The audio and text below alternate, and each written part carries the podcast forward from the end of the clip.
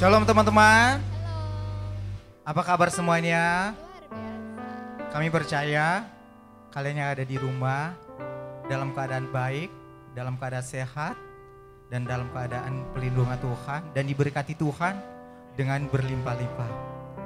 Teman-teman, hari ini kita tidak terasa waktunya, kita juga tiba untuk mengikuti ibadah online. Mari teman-teman kita akan mempersiapkan hati, baik yang ada di rumah atau di mana pun kalian berada. Mari kita akan menyembah Tuhan, memuji Tuhan lebih sungguh-sungguh lagi. Ayo teman-teman, mari kita akan berdoa. Mari kita libat tangan kita, mari kita serahkan hati kita kepada Tuhan. Bapak di surga, kami mengucap syukur Tuhan Yesus untuk hari ini, untuk kesempatan yang luar biasa Tuhan berikan kepada kami. Saat ini Tuhan Yesus, kami mau beribadah, kami mau memuji Tuhan, walaupun hanya lewat online saat ini Tuhan Yesus. Kami percaya Tuhan menolong kami, melindungi kami, memberkati kami dengan berlimpah-limpah.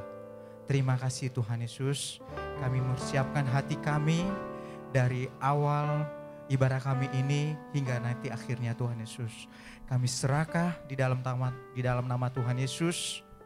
Biarlah Roh Kudus yang akan bekerja dalam nama Tuhan Yesus. Haleluya. Amin. Ayo teman-teman yang masih ada di rumah, mari kita berdiri semuanya. Mari kita akan menyanyikan pujian. Haleluya.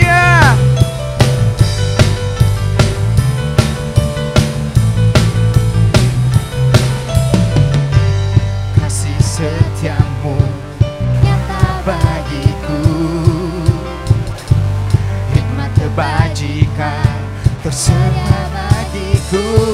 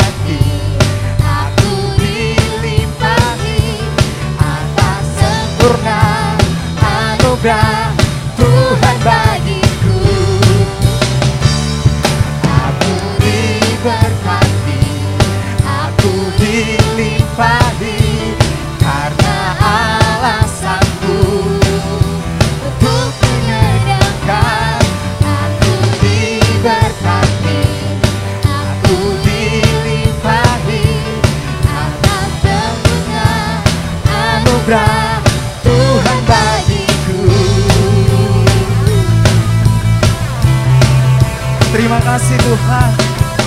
Kau memberkati kami dengan berlimpah-limpah. Kau memberkati kami dengan luar biasa.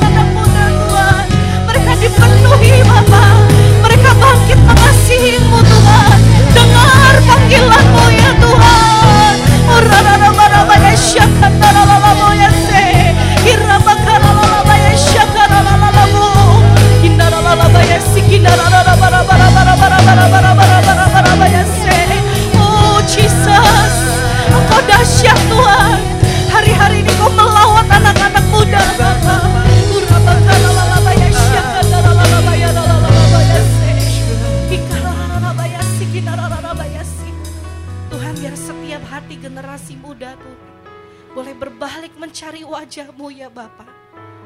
Mereka dengar mengerti Tuhan kehendakmu ya Bapak. Terima kasih ya Roh Kudus. Hari-hari ini Tuhan, apa pun keadaan kami ya Roh Kudus, saat ini di mana pun kami berada, kami angkat tangan kami Roh Kudus. Kami angkat tangan kami ya Bapak, Bapak. Kami mengasihi Tuhan Yesus. Dan biar hadiratmu yang lembut Tuhan. Yang tidak terbatas itu Tuhan. Engkau sedang memeluk setiap anak-anakmu ya Bapak. Bahkan kau tidak hanya memeluk kami Tuhan. Tapi kasihmu sedang memulihkan generasi muda Tuhan. Yes Tuhan.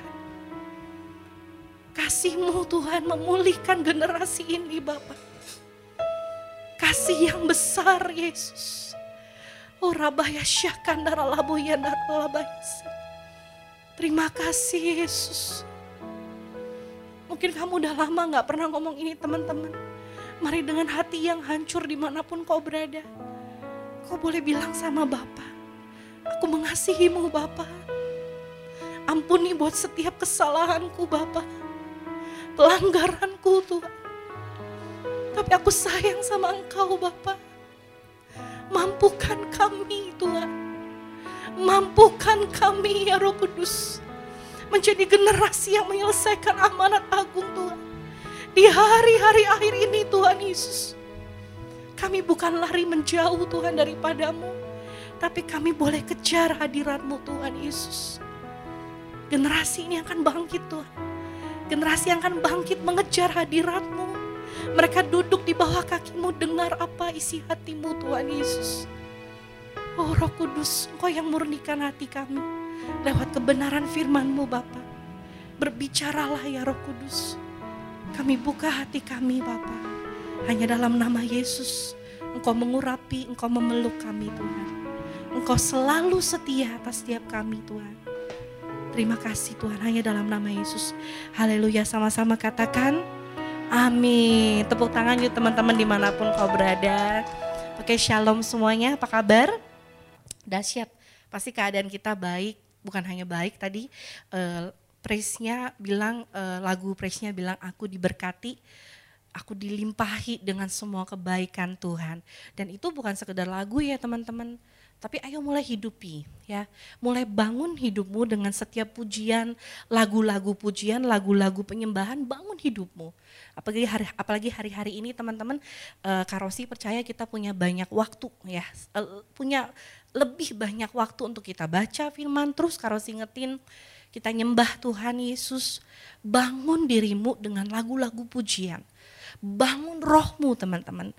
Amin, puji Tuhan. Oke, okay. uh, Karosi inget banget karena Karosi yang bawain khotbahnya yang pasti. Tapi terakhir Karosi bawain tentang komitmen dalam pemuritan ya. Kenapa kita masih dimuridkan ya? Karosi itu angkat ceritanya Ruth ya. eh, betapa dia memberi hidupnya dimuridkan benar-benar sama Tuhan ya lewat hidupnya lah kurang lebih.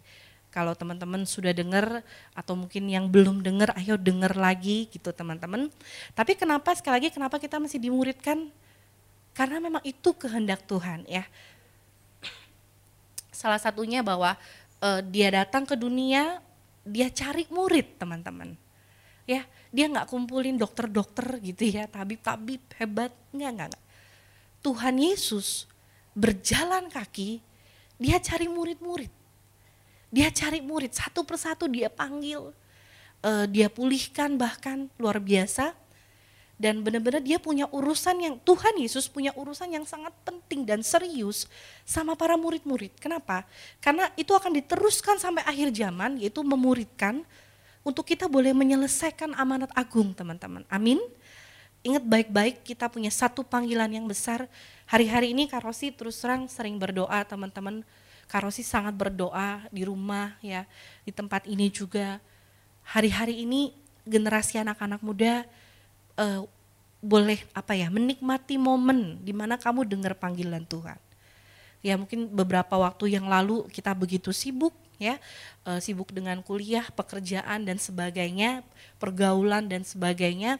Tapi hari-hari ini di tengah pandemi ini Karosi berdoa ini jadi momen di mana setiap generasi anak-anak muda ini dengar panggilan Tuhan. Karena ada panggilan Tuhan ya. Karosi inget banget kayaknya dari akhir tahun yang lalu gitu ya uh, lagu ada panggilan Allah itu terus dikumandangkan. Ada panggilan Tuhan terus-terus dinyanyikan. Ya, tapi hari-hari ini mungkin ini gongnya teman-teman. Tuhan benar-benar memanggil generasi yang siap dipakai Tuhan hari-hari. Amin. Oke, kita bicara soal menyelesaikan amanat agung ya teman-teman. Uh, memang tidak tidak identik dengan itu, tapi itu tidak terlepas dengan bagaimana kita bicara soal hari-hari terakhir. Ya, Kak Rosi hari ini mau bawain uh, satu sharing firman Tuhan, judulnya bodoh atau bijaksana. Ya, Kak Rosi ambil dari uh, kalian pasti udah tahu banget 10 gadis ya. 10 perumpamaan tentang 10 gadis. 5 gadis bijaksana dan 5 gadis bodoh. Dan ini bicara soal hari-hari terakhir teman-teman di tengah semua yang ada, apalagi hari-hari ini lagi e, banyak sekali ya teman-teman. Karosi nggak kebayang kita kalau lihat berita, semoga kalian nonton berita di rumah. Di tengah pandemi orang nggak boleh deket-deketan sebenarnya, tapi lagi banyak banget bencana alam di mana-mana. Orang mau nggak mau harus bergotong royong, deket-deketan gitu ya, saling membantu ya udah nggak mikir. Karena kalau udah bencana alam pasti keselamatan juga nomor satu. Sama sama pentingnya dengan di kondisi pandemi hari-hari ini. Dan ya kalau karosi secara pribadi kayak nangkep dalam hati ini sih bener-bener hari-hari terakhir. Ya dan kalau kita mau amati terus memang kedatangannya sudah sangat singkat teman-teman. Sudah sangat singkat ya. E, semua yang kita lihat tanda-tandanya udah makin nyata jadi teman-teman Karosi berharap kita generasi yang nggak cuek, kita generasi yang eh, nggak uh, mau peduli sama keadaan, tapi justru kamu harus jadi generasi yang buka matamu, buka hatimu juga gitu, meresponi apa yang terjadi hari-hari ini. Kita mau belajar tentang ya lima gadis bijaksana dan lima gadis bodoh ya teman-teman ya. Kita buka aja langsung. E, Karosi akan bahas tuntas di Matius 25. Matius 25 ayat 1 dan sampai perikopnya nanti selesai tentang itu kita baca pelan-pelan ya. Ayat 1 sampai ayat yang keempat dulu teman-teman. Matius 25 ayat yang ke-1 sampai yang keempat. Karosi bacakan e, buat kalian semua, kalian perhatikan di tempat kalian masing-masing. Yang pertama, pada waktu itu hal kerajaan surga seumpama sepuluh gadis, oke? Okay? Yang mengambil pelitanya dan pergi menyongsong mempelai laki-laki. Di ayat kedua langsung dijelaskan secara gamblang ya teman-teman dikatakan lima di antaranya bodoh dan lima bijaksana. Gadis-gadis yang bodoh itu membawa pelitanya tapi tidak membawa minyak dikatakan. Sedangkan gadis-gadis yang bijaksana itu membawa pelita dan juga minyak dalam buli-buli mereka dikatakan di sini. Oke, hari ini ada tiga isu besar yang Kak Rosi mau kita bahas sama-sama. Ya berkaitan dengan hari-hari terakhir teman-teman. Yuk kita perhatikan. Yang Kak Rosi akan langsung aja. Yang pertama, uh, di sini dibahas yang pertama tentang perbedaannya. Jadi Tuhan bilang kerajaan sorga itu seumpama 10 gadis. Mereka mengambil pelita, mereka pergi menyongsong laki, mempelai laki-laki. Artinya orang-orang ini orang yang percaya Tuhan teman-teman mereka menerima keselamatan dari Tuhan, mereka menerima firman yang dari Tuhan, ada terang dalam hidup mereka, dan mereka mengerti bahwa mereka harus pergi mempersiapkan diri untuk menyongsong mempelai laki-laki. Ya, jadi sebenarnya yang bodoh ini juga nggak ngerti bahwa, uh, sorry, yang bodoh ini juga ngerti bahwa kedatangan Tuhan ada, gitu kurang lebih teman-teman langsung dibedakan, langsung di ayat kedua Tuhan langsung bedakan lima di antaranya bodoh, lima di antaranya bijaksana dikatakan. Perbedaannya yang bodoh bawa pelita tapi tidak bawa minyak. Yang bijaksana bawa pelita, mereka juga bawa minyak dalam buli-buli mereka. Yang pertama, kita mau coba renungkan sama-sama. Apa sih kata Alkitab tentang bodoh dan bijaksana teman-teman? Karosi nggak akan banyak ambil ayat karena sebenarnya banyak banget teman-teman. E, Karosi cuma kutip dari Matius 7 ayat 24 dan 26. Matius 7 ayat 24 dan 26. Dikatakan bahwa setiap orang yang mendengar perkataanku, kata Tuhan, dan melakukannya, dikatakan ia disamakan dengan orang yang bijaksana. Dan ia mendirikan rumahnya di atas batu, teman-teman. Di ayat yang ke-26 dikatakan masih Matius 7 ayat 26, tetapi setiap orang yang mendengar perkataan Tuhan dan tidak melakukannya, ia disamakan dengan orang yang bodoh. Jadi dan lalu dikatakan bahwa ia mendirikan rumahnya di atas pasir. Karosi hari ini tidak mau bahas didirikan di rumahnya di atas batu atau pasir. Tapi kita udah tahu bahwa e, bagaimana kita membangun hidup kita teman-teman. Dengarkan baik-baik sekalipun kau masih muda, tapi bagaimana kau membangun hidupmu itu sangat menentukan. Firman Tuhan ini bukan soal e, apa kata Tuhan, ya benar. Tapi firman Tuhan ini sedang berbicara tentang hidup kita sebenarnya teman-teman. Tapi Tuhan Yesus tuh baik-baik, baik banget teman-teman. Dia baik banget. Jadi dia kasih semua firmannya, dia kasih semua nasihatnya untuk kasih tahu kita hidup tuh harus begini. Kurang lebih. Di sini perbedaan yang bodoh dan bijaksana Tuhan sederhanakan sekali teman-teman. Yang bodoh mereka dengar perkataan tapi tidak melakukan.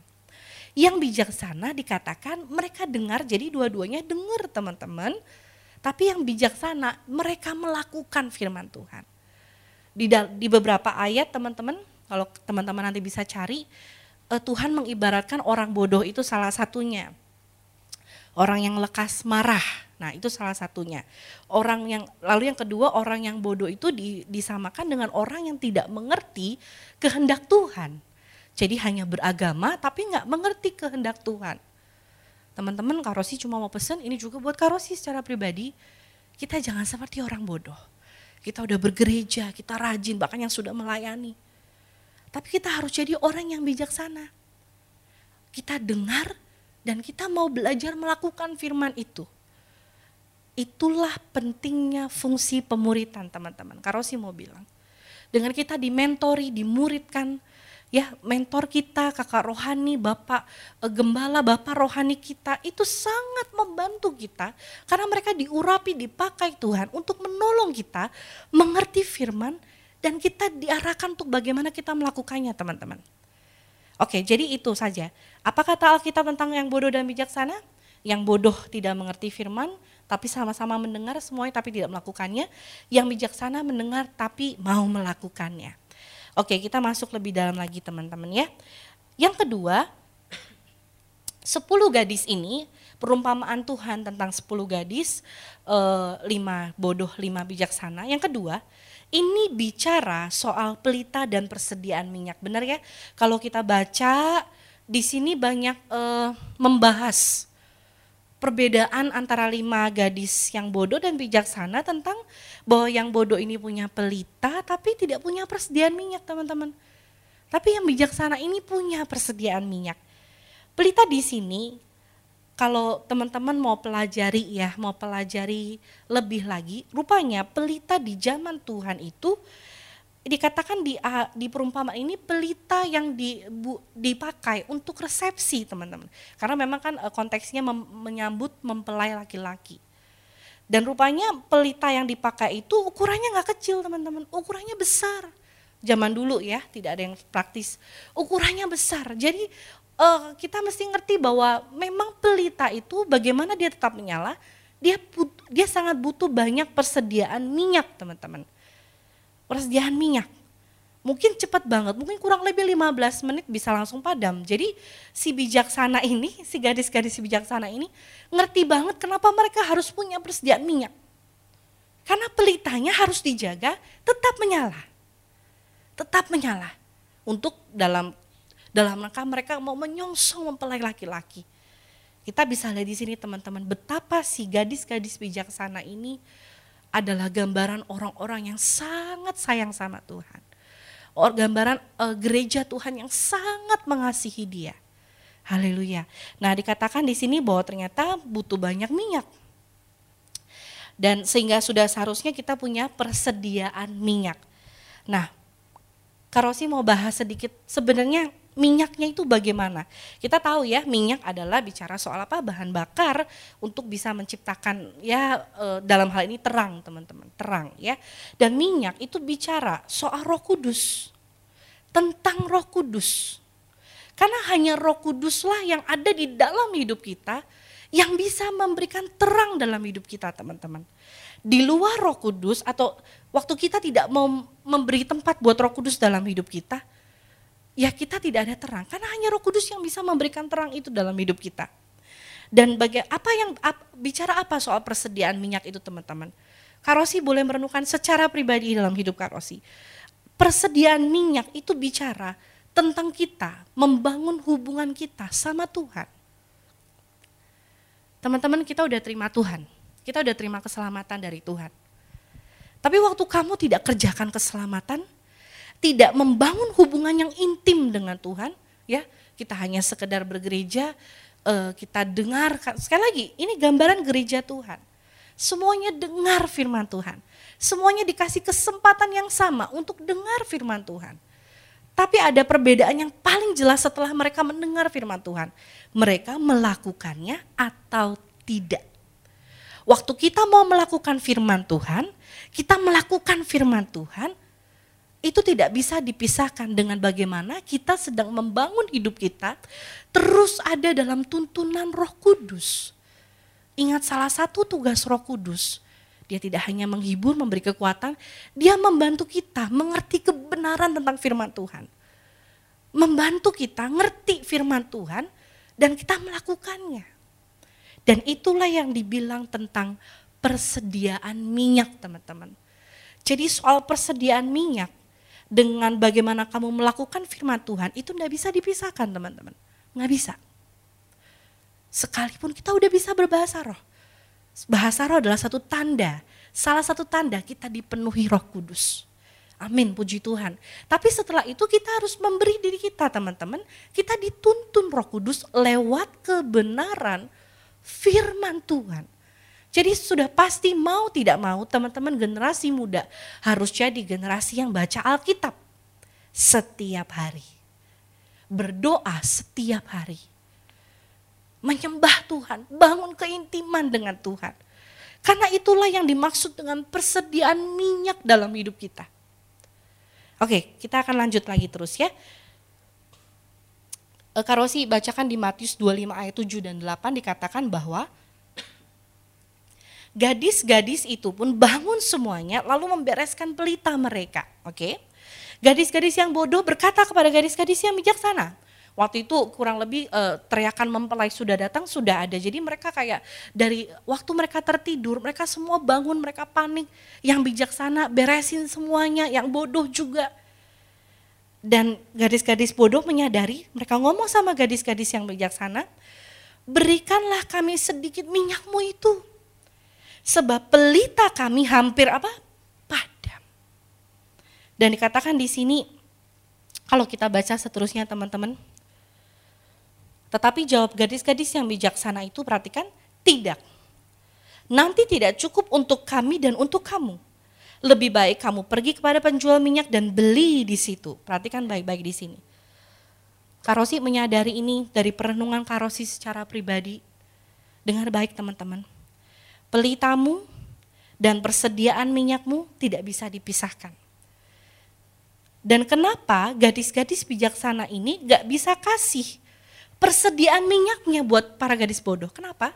Tadi Karosi udah bilang, bahwa persediaan minyak itu bicara soal hubungan pribadi kita dengan Tuhan. Hubungan pribadi kita dengan Tuhan. Kedekatan, keintiman kita dengan Tuhan. Para mentormu bisa mengajarkan bagaimana kita dekat dan intim sama Tuhan. Tapi tetap teman-teman, keintimanmu punya dirimu sendiri. Kedekatanmu sama Tuhan itu punya kamu sendiri teman-teman. Tidak bisa dibagikan kepada orang lain dan kita punya urusan masing-masing sama Tuhan. Jadi teman-teman, ternyata jadi mempelai Tuhan itu harus super dewasa. Ya, harus matang, dewasa. Dewasa dalam apa? Dalam hubungan dengan Tuhan, dalam kebenaran firman Tuhan, dalam keintiman dengan Roh Kudus, teman-teman. Yang ketiga, tadi yang pertama teman-teman apa kata Alkitab tentang yang bodoh dan bijaksana? Perbedaannya hanya sama-sama mendengar, tapi yang bodoh tidak melakukan, yang bijaksana melakukan. Kelihatannya sangat simpel ya teman-teman. Tapi ini perbedaan hidup yang sangat besar yang Tuhan mau kasih tahu. Yang kedua soal bicara soal pelita dan persediaan minyak. Kamu nggak bisa cuma punya agama, kamu harus mengerjakan keselamatanmu hidup dalam pertobatan, terus hidup dalam firman karena itulah persediaan minyakmu. Roh Kudus, minta Roh Kudus terus memenuhi hidupmu. Yang ketiga teman-teman, perumpamaan tentang 10 gadis ini bicara ternyata soal kesiapan. Soal kesiapan teman-teman. Di sini Karosi catat banyak hal karena Karosi kayak dari perenungan Karosi pribadi menyadari banyak hal di area ini. Bicara soal kesiapan ya. Oke, uh, kita kembali ke Matius 25 ayat 9 sampai 10 teman-teman. Tetapi jawab gadis-gadis yang bijaksana itu tidak, nanti tidak cukup untuk kami dan untuk kamu. Lebih baik kamu pergi kepada penjual minyak dan beli di situ. Akan tetapi, waktu mereka sedang pergi untuk membelinya, datanglah mempelai itu dan mereka yang telah siap sedia. Katakan siap sedia teman-teman mereka yang telah siap sedia masuk bersama-sama dengan dia ke ruang perjamuan kawin lalu pintu ditutup. Kita pegang kebenaran firman ini yuk teman-teman. Kategori yang paling jelas yang akan diangkat sama Tuhan masuk dalam perjamuan kawin bersama Tuhan adalah mereka yang telah siap sedia siap sedia. Siap sedia. Di zaman itu teman-teman, mempelai laki-laki itu datang pada saat yang memang tidak diketahui. Tidak diketahui. Makanya uh, kita Tuhan sering kasih tahu kita berjaga-jaga. Karena aku datang seperti pencuri. Ya. Kalau pencuri kasih tahu kita itu namanya bukan mencuri, bertamu, teman-teman ya walaupun jam 12 malam, jam 2 subuh, mereka bertamu. Kita seduh, eh, kita sediakan teh gitu kan. Tapi sebagian besar, bukan sebagian besar, semua pencuri datang tentu tiba-tiba. Walaupun mereka di luar sana teman-teman pasti udah survei dulu kapan kebiasaan kita keluar dan sebagainya. Mungkin mereka catat, mereka tungguin kita tuh tidurnya jam berapa. Ya, ya macam-macam teman-teman. Tuhan udah bilang sama kita, karena dia baik. Dia ingetin kita senantiasa. Dia datang seperti pencuri teman-teman. Makanya dia benar-benar kasih gambaran gereja Tuhan, gereja yang siap sedia. Dikatakan mereka dikategorikan sebagai lima gadis yang bijaksana. Jadi rupanya waktu kita membangun hidup kita, teman-teman perhatikan baik-baik. Waktu kita membangun hidup kita di dalam firman, kita terus bangun hubungan dengan Tuhan, dengan firman, kita dengan bayar harga, pikul, salib, kita sangkal diri kita. Tapi kita mau komitmen teman-teman, seperti lima gadis bijaksana ini. Rupanya kita sedang hidup dalam mental yang siap sedia. Siap sedia Oke teman-teman, di sini ada beberapa catatan yang Karosi buat. Yang pertama, kita bicara soal lima gadis bijaksana dan lima gadis yang bodoh yang berhubungan dengan soal kesiapan. Tentang gadis bijaksana teman-teman ya. Gadis bijaksana tahu betul bagaimana mereka mempersiapkan diri mereka. Dengan kata lain, gadis bijaksana ini adalah gambaran orang-orang yang mengerti bagaimana bayar harga Ayo teman-teman kita jadi generasi yang mau bayar harga. Dalam hal apa pun teman-teman. Kalau sih nggak bicaranya soal rohani-rohani banget. Tapi kita sebagian besar di rumah, mungkin kita punya banyak uh, ya banyak kesaksian ya di rumah. Jadi banyak kumpul kak sama papa mama, mesbah keluarga gitu kan. Satu bulan manis, dua bulan mulai gitu kan. Tiga bulan aduh kayaknya udah enak banget nih ya gitu. Pengen cepet keluar lagi, lalu gesekan antar orang tua mulai muncul lagi, nggak bisa mengampuni. Mengampunimu adalah soal bagaimana kesiapanmu juga teman-teman. Ya bayangin kalau waktu Tuhan datang kita ada di dalam kondisi tidak siap. Tidak siap. Rupanya gadis bijaksana ini tahu yang namanya bayar harga. Mereka punya pelita tapi mereka mau repot teman-teman. Mereka mau repot bawa persediaan minyak mereka ke mana-mana. Ya kita mungkin kalau lagi jalan-jalan teman-teman dititipin tas gitu kan sama teman-teman kita, titip ya gue titip tas gitu, repot gitu kan. Berat, ada tanggungan kurang lebih gitu. Tapi rupanya lima gadis bijaksana ini sangat mengajarkan kita. Mereka adalah gambaran orang atau anak Tuhan yang bukan cuma ngaku anak Tuhan. Mereka mau repot, bayar harga, bangun hubungan sama Tuhan. Gadis bijaksana, perhatikan, menghargai hubungan pribadi dengan Tuhan. Buktinya apa? Mereka punya persediaan minyak. Artinya apa? Mereka berusaha mungkin dalam hidup mereka jaga roh kudus teman-teman. Supaya roh kudus nggak didukakan. Ayo kita belajar sama-sama. Mereka menghargai hubungan pribadi sama Tuhan. Yang ketiga, Otomatis teman-teman, karena gadis bijaksana ini punya komitmen untuk menjaga persediaan minyak, jadi mereka adalah gambaran orang-orang yang tidak sembarangan dalam hidupnya. Mereka bayar harga, mereka sangkal diri, mereka pikul salib. Mungkin generasi kita berbuat yang uh, seharusnya anak-anak muda lakukan, tapi kita jadi generasi lima gadis bijaksana ini. Kita bayar harga, menghargai hubungan dengan Tuhan, dan kita nggak sembarangan dalam hidup dan otomatis lima gadis bijaksana adalah gambaran orang-orang yang tahu mereka harus jadi mempelai yang cantik, yang kudus, yang dewasa pada saat mempelai laki-lakinya datang. Oke, sekarang kita bandingkan dengan garis-garis bodoh. Kebalikannya aja teman-teman. Garis-garis bodoh, tentu mereka nggak mau repot, mereka seneng, oh Tuhan tuh baik loh gitu. Lalu tapi mereka nggak mau bayar harga. Tidak mau bayar harga. Saya maunya begini, ya begini. Walaupun mungkin roh kudus nggak suka, roh kudus didukakan. Apa pun itu bentuknya teman-teman. Karena sih nggak mau sebutin spesifik apa pun itu bentuknya. Biar itu yang jadi introspeksi diri kita sama roh kudus sendiri. Tapi gadis bodoh ini adalah gambaran orang yang gak mau repot. Orang yang gak mau bayar harga teman-teman. Mereka juga tidak punya mental kesiapan. Mereka gak punya mental kesiapan. Kalau ke teman-teman baca, yuk kita perhatikan sebentar. Di ayat yang kelima, Matius 25 ayat yang kelima, perhatikan baik-baik. Tetapi karena mempelai itu lama tidak datang-datang juga, mengantuklah mereka, lalu semuanya apa? Tertidur. Bukan cuma yang bodoh yang tertidur teman-teman. Yang bijaksana ikut tertidur. Semua dikatakan. Karena mempelainya lama nggak datang-datang.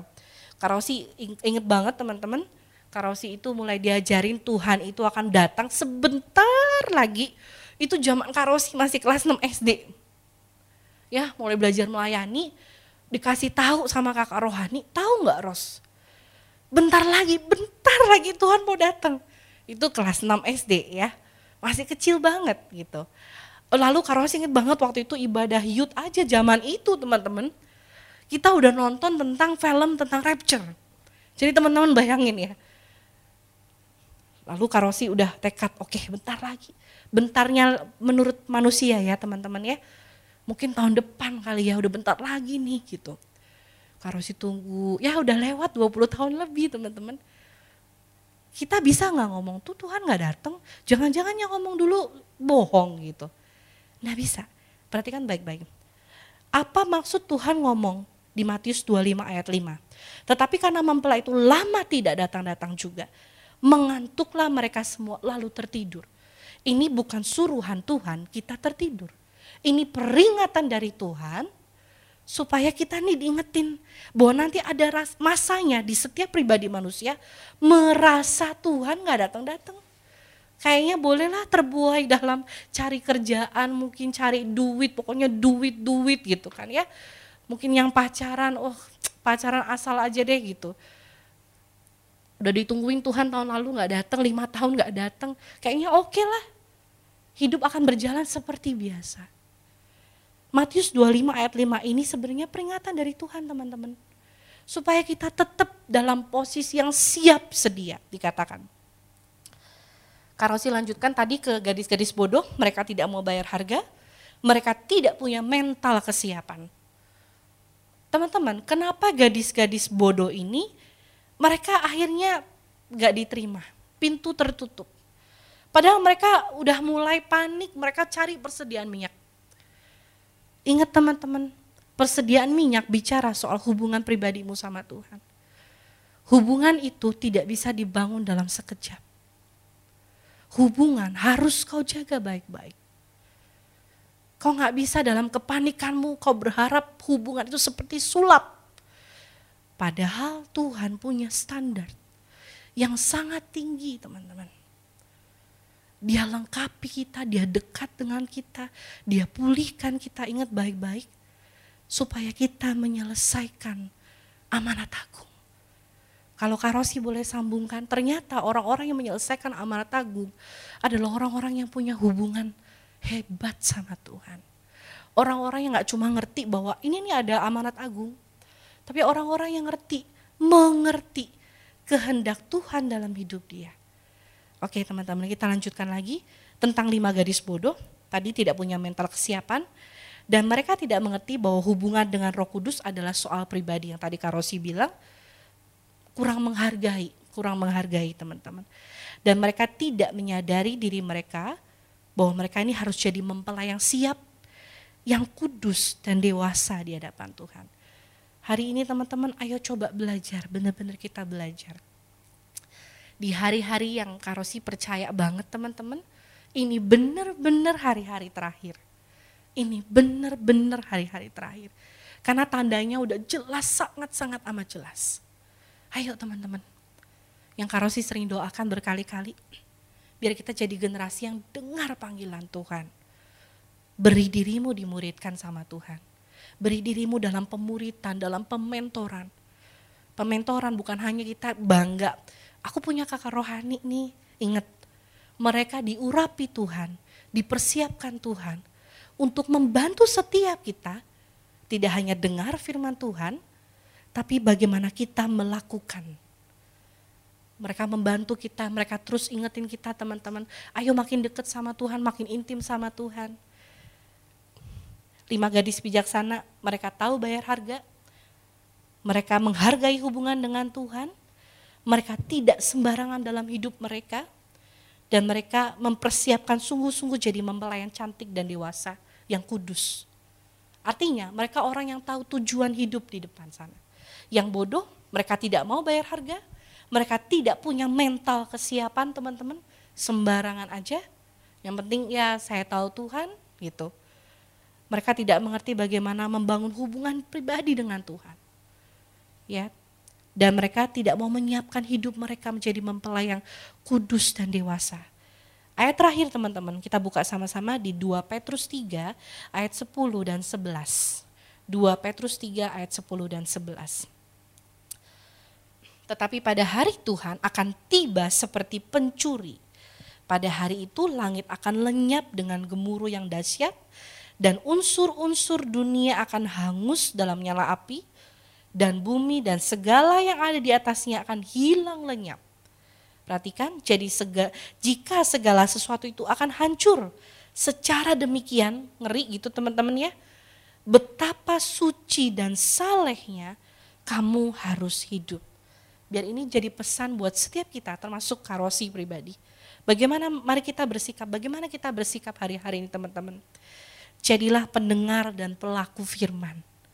Ya, Karosi tahu banget setiap kita hampir tiga bulan ini kita nggak pernah ke gereja ya. Artinya eh, hubungan kita dengan hal-hal rohani gitu seakan-akan sangat menurun. Tapi sebenarnya tidak teman-teman. Justru hari-hari ini kita dilatih dewasa kita nggak ke gereja pun kita tetap membangun hidup kita. Jadi pendengar dan pelaku firman. Dan yang kedua, mari kita bersikap hidup terus dipenuhi roh kudus. Karena itulah persediaan minyak kita teman-teman. Dan yang terakhir, ayo persiapkan diri kita jadi mempelai yang layak di hadapan Tuhan. Kalau si panggil para imam musik, teman-teman Mari kita terus beri hidup kita di hadapan Tuhan. Tuhan terus menantikan hidup kita. Kalau sih nggak tahu keadaan kita hari-hari ini teman-teman. Di tengah pandemi ini. Mungkin ada yang dulu sungguh-sungguh karena mungkin kau punya alasan. Ya karena aku sering banget kak ketemu kakak rohaniku. Dia nyemangatin aku. Ya sekarang kita sangat terbatas teman-teman. Tapi itu bukan jadi alasan. Tuhan mau kita jadi mempelai yang dewasa yang mandiri di hadapan Tuhan. Mandiri, sayang sama Tuhan. Menjadi pendengar dan pelaku firman, hidup dipenuhi oleh roh kudus. Dan persiapkan dirimu jadi mempelai yang layak di hadapan Tuhan. Teman-teman kau boleh pejamkan matamu di mana pun kau berada. Ayo ambil waktu sebentar, hanya beberapa menit ke depan. Kau boleh renungkan hatimu, hidupmu di hadapan Tuhan hari-hari ini kita termasuk Karosi, kita ada di, di golongan mana? Sebagai lima gadis bodoh atau sebagai lima gadis bijaksana? Lima gadis bijaksana tahu mempersiapkan hidup mereka, menjaga hubungan dengan roh kudus. Karosi percaya lima gadis bijaksana ini juga bukan orang yang sempurna teman-teman. Mereka bukan orang yang sempurna, orang yang anti dosa, Mungkin mereka belajar, mereka terus belajar memberi hati yang di hadapan Tuhan, hati yang hancur di hadapan Tuhan. Biar hari ini boleh jadi titik balik dalam hidupmu teman-teman. Di mana pun kau berada, kau boleh berhenti dalam hidupmu. Kau boleh membalikkan hidupmu kembali mencari Tuhan. Mari buka hatimu yuk teman-teman. Dia Bapa yang baik. Dia setia. Dia tidak pernah meninggalkan setiap kita teman-teman. Kasihnya dilimpahkan. Oh rabaya Hamba berdoa roh kudus. Peluk setiap generasi anak-anak muda ya Bapak. Di mana pun mereka berada Tuhan Yesus. Peluk mereka Tuhan. Oh rabakara labaya syandarabaya ralalabayas. Urabah karalalabaya syandarararabah.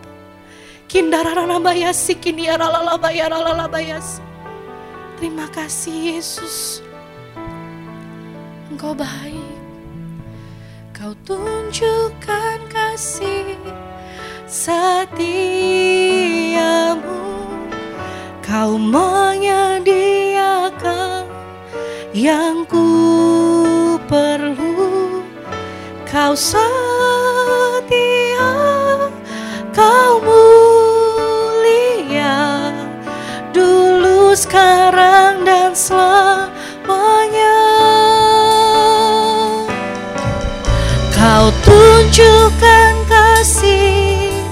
setiamu Kau menyediakan yang ku perlu. Kau setia, kau mulia Bapa kau setia. Terakhir teman-teman kita renungin satu hal sebentar. Tuhan menyediakan semua yang kita perlu itu bukan hanya kebutuhan jasmanimu teman-teman. Waktu dia melimpahkan kuasa roh kudus hari-hari ini di era Pentakosta yang ketiga. Itu yang paling kita perlu teman-teman. Damai sejahtera, sukacita, roh kudus yang memberikan kebenaran, membantu kita, menginsyafkan kita dalam kebenaran. Itu yang kita perlu. Karena dia Bapak yang setia. Kita dia Bapak yang sangat setia. Ini kami Tuhan Yesus generasi anak-anak muda Tuhan. Kami mengucap syukur Tuhan Yesus. Kami percaya Tuhan di mana pun kami berada. Kami merasakan hadiratmu yang manis Tuhan. Terima kasih Bapak, terima kasih Tuhan Yesus. Kau melimpahkan kuasa roh kudusmu Tuhan. Turun atas setiap kami. Dan biar hari ini yang lemah boleh dibangkitkan Tuhan Yesus. Kami yang sudah putus harapan Tuhan mengikut Engkau Tuhan. Hari ini ada terang yang baru Bapak. Ada terang yang baru Tuhan Yesus. Terima kasih Tuhan, terima kasih. Kami terus kami mau berdoa buat bangsa kami Tuhan. Kami memberkati bangsa kami. Kami memberkati kota kami ya Bapak. Engkau mengasihi bangsa Indonesia Tuhan. Mengasihi seluruh bangsa Tuhan. Dan hari ini kami percaya Tuhan, ada kegerakan yang besar, kebangkitan yang besar Bapak. Kami lepaskan terus hal-hal yang baik buat bangsa kami Tuhan. Terima kasih Tuhan. Kami juga memberkati kedua orang tua kami. Di mana pun kau berada teman-teman, apa pun keadaan hatimu sama orang tuamu hari-hari ini. Ayo, ayo kau boleh angkat tanganmu. Berkati papa mamamu. Minta kesehatan, minta panjang umur buat papa mamamu. Dan minta supaya papa mamamu terus boleh mencari Tuhan. Boleh terus mendekatkan diri sama Tuhan Terima kasih Tuhan, terima kasih.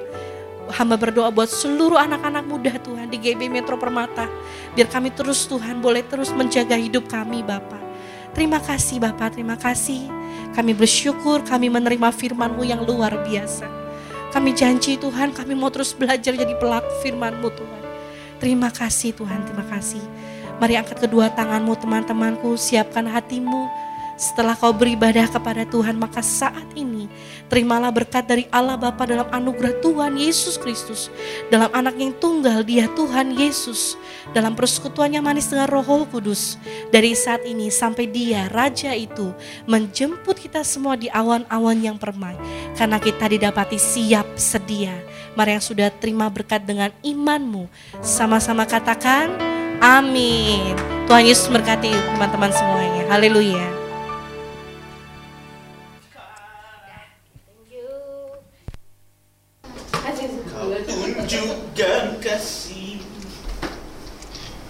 Sebenernya aku tadi mau nyanyi lagu itu. Ku sembah Enggak, tapi udah instrumennya udah enak. Ya Gue tadi, gue mikir lu hello gitu, jadi gue belasnya ini Apa? Oh gitu, iya iya iya. Kasu cek